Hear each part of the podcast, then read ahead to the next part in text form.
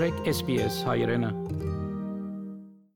Ողջույն հարգելի ունկնդիրներ, անցաչափաթը Հայաստանում, Արցախում եւ Սփյուռքում օտարների ցանկացած միջամտություն կհանգեցնի նոր մարտահրավերների Թեհրանը Երևանին։ Ադրբեջանը կրկին կրակ է բացել հայկական դիրքերի ուղությամբ, այս եւ այլ նորությունների մասին մանրամասն։ Ադրբեջանի զինված ուժերի ստորաբաժանումները կրկին նոյեմբերի 6-ի լույս 7-ի գիշերը տարբեր տրամաչափի հրաձգային զինատեսակներից կրակ են բացել հայ-ադրբեջանական սահմանի արևելյան հատվածում տեղակայված հայկական դիրքերի ուղությամբ, հայկական կողմը կորուստներ չունի։ Ամերիկյան կողմի նախաձեռնությամբ նոյեմբերի 7-ին Վաշինգտոնում հանդիպել են Հայաստանի եւ Ադրբեջանի արտգործնախարարները։ Մինչ այդ Հայաստանի արտգործնախարար Արարատ Միրզոյանը հանդիպել է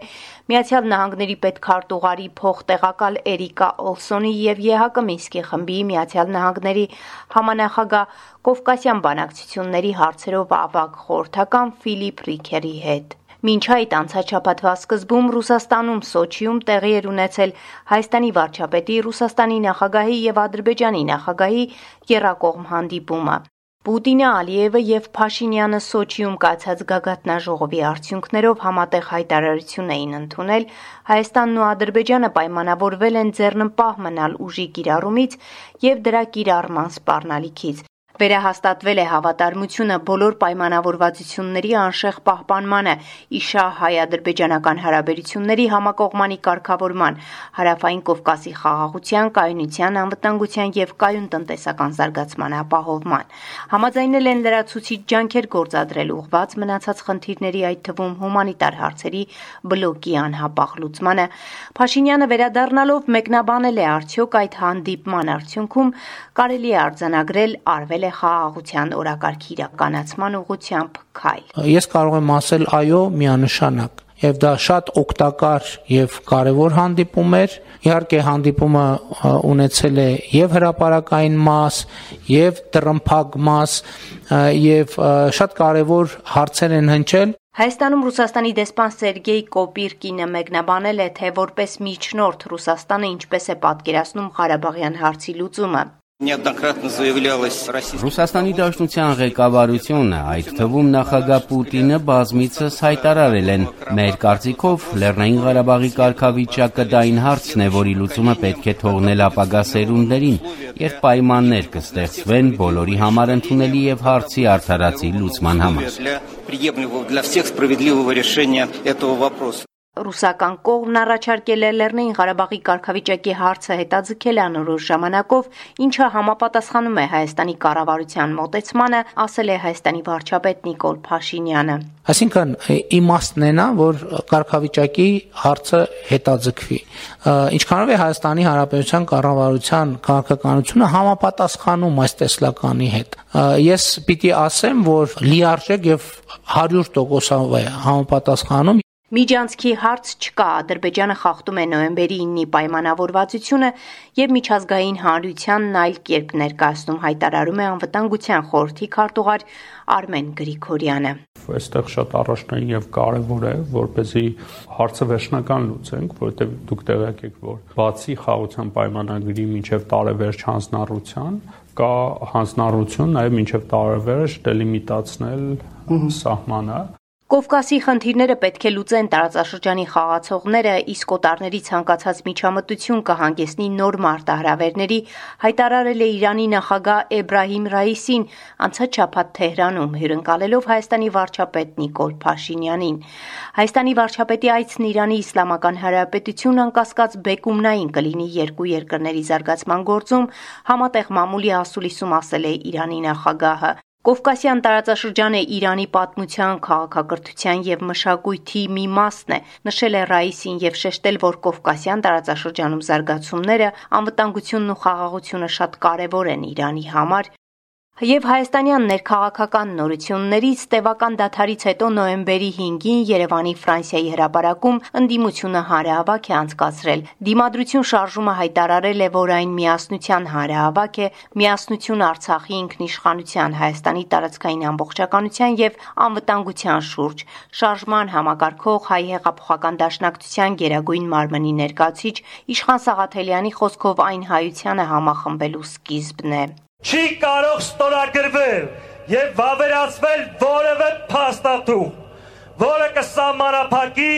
Արցախի ինքնորոշման իրավունքը։ Արցախ. Սոչիի հանդիպման հայտարարությունում Արցախյան հիմնահարցին անդրադարձ չի եղել։ Ստեփանակերտում սակայն նշում են, որ որոշ քննարկումներ թերևս առնչվում են Արցախին։ Օրինակ խաղապահների հետ կապված որ հրաչին կետերից մեկն է դա, որ հայտարարության, որ կողմերը արժևորում են այդ ամենը, ռուսական խաղապահ առաքելությունը նպատակահարմար է, ինչ որ միտեղ կարելի է հասկանալ, որ շարունակվել։ Ղարաբաղում նորից հավաքվել են Ստեփանագերտի հրաբարակում մտահոգված Արցախի ճակատագրով։ Հավաքվածները Արցախի հանրային հերոստատեսությանն ասել են. «Չկորցնենք Արցախ, Արցախը երբեք չի լինելու Ադրբեջանի կազմի մեջ։ Դիմենք Ռուսաստանի նախագահին, թող Արցախը վերցնե Ռուսաստանի ինչ կազմի մեջ։ Մեր գոյատևման իրավունքն են գնում պաշտպանելու։ Մեր անկախության երթն է սա։ Արցախի հարցն է որոշում։ Այն ժամանակ է ժողովուրդը ինքնաբուխ դուրս եկավ, հիմա էլ մեր անկախության հարցն է։ Մեր հողն է, մենք պիտի ապրենք ստեղ, շենացնենք, մեր մնացածներ մզեշի մեր անկախությունը ճինենչի։ Ապրելու կաստեղ։ Իմ papas միդար այդ մարդ ապրատից Նանից հետո էսե երկրորդ դարն ամուք ապրում, մեր ցեղը ապրում է։ Երևի դա է, որ ժողովրդին հավաքում է։ Այսինքն ֆիզիկական ոչնչացման սպառնալիքի տակ գտնվելով Արցախցին ինչ որ որոշումներ է կայացնում։ Պատմությունը կրկնվում է։ Այսօր հավաքվել ենք ապացուցելու աշխարհին, որ մենք ենք Տերը Արցախի եւ այս հողում իրավունք ունենք ապրել, ապրելու հենց մենք։ Տրատե ես մինակ զայում նրան, որ մոք իրոք միանան կինիկ Ռուսաստանի հովանավորության տակ։ Դա ամենից ճիշտ որոշումն է, ասեմ մենք ներկա դրությամբ, քանի որ Հայաստանը ի վիճակի չի ինքը հալամ այդքան ուժեղ չէ։ Արայիկ Հարությունյանը ներկայացրել է նորանշանակ պետական նախարար Ռուբեն Վարդանյանին։ Ռուսաստանից գործարար Ռուբեն Վարդանյանը մոտ 2 ամիս առաջ է որոշում կայացրել տեղափոխվել Արցախ բնակության։ Ստանձնելով պետնախարարի պաշտոնը նա ասել է. Ասեմ դες ազնիվ, որ ես չեմ տեսնում նարություն, որ ինչ որ հրաշք անելու, մեզ շատ ծանր ճանապարհ սպասում ենք ունենք 900-ից ոչ ավել օրեր, որը մենք պետքա շատ արդյունավետ օգտագործենք այն փոփոխությունների անելու համար, որ մենք դառնանք իսկապես մենք հարցեր լուծենք սուբյեկտության, անվտանգության եւ զարգացման Սփյուռք. Համաշխարհային հայկական գագաթնաժողովի շրջանակներում հոկտեմբերի վերջին օրերին աշխարհի տարբեր երկրներից մոտ 600 մասնակից էր ժամանել Երևան։ Համաշխարհային հայկական գագաթնաժողովի ընթացքում Սփյուռքի գլխավոր հանձնակատար Զարե Սինանյանը ընդունել է Կիպրոսի նախագահի արտերկրյա եւ հումանիտար հարցերով հանձնակատարի եւ հունական Սփյուռքի եւ հանրային դիվանագիտության հարցերով փոխարտգործնախարարի գլխավորած պատվիրակություններին։ Քննարկվել են Հայաստան, Հունաստան, Կիպրոս, Սփյուռքի հարցերով երակող հուշագրի դրույթների իրականացմանն առնչվող հարցեր, մասնավորապես 3 երկրների սփյուռքյան համայնքների հետ համատեղ նախաձեռնությունների մշակմանը,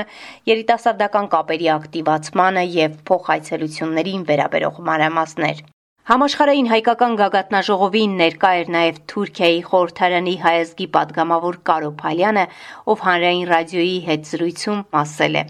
Հիմա շատ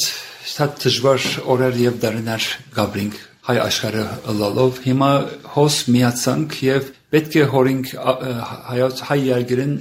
աբակայի մասին ասել է որ մտահոգված է Հայաստանի համար բայց լավատես լավատես եմ անշուշտ բայց Հայաստանի համար հիմա գարձեմ հաղորդությունը պետքություն մնա մենք պատրաստ չէինք պատրաստ գարձեցինք որ պատրաստ ենք եւ պատրաստ չէինք հաղորդության համար հիմա պետք է որ պատրաստը նախ եւ առաջ անշուշտ հաղորդության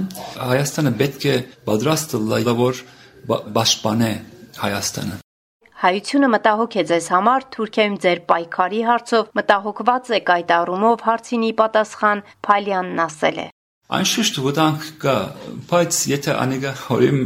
այս բանը չեմ գնարնել եւ նորեն բդիսամ անդեսակ յետքաշելնալ իրավունք չունիմ Եվ հաղորդման վերջում ուրախալի լուր Հայաստանի օրներքն առաջին անգամ հնչել է մարմնամարզության աշխարհի առաջնությունում։ Անգլիայի Լիվերպուլ քաղաքում ընթացող սպորտային մարմնամարզության աշխարհի առաջնությունում Եվրոպայի չեմպիոն աշխարհի գավաթակիր Արթուր Դավթյանը դարձել է աշխարհի չեմպիոն։ Դավթյանն այսպիսով անկախ Հայաստանի առաջին աշխարհի չեմպիոնն է սպորտային մարմնամարզությունում։ Այսքանը անցնող շաբաթը Հայաստանում, Արցախում եւ Սփյուռքում SBS-ի հայկական ծառայության համար ամփոփեց Գիտայ Լիբեկյանը։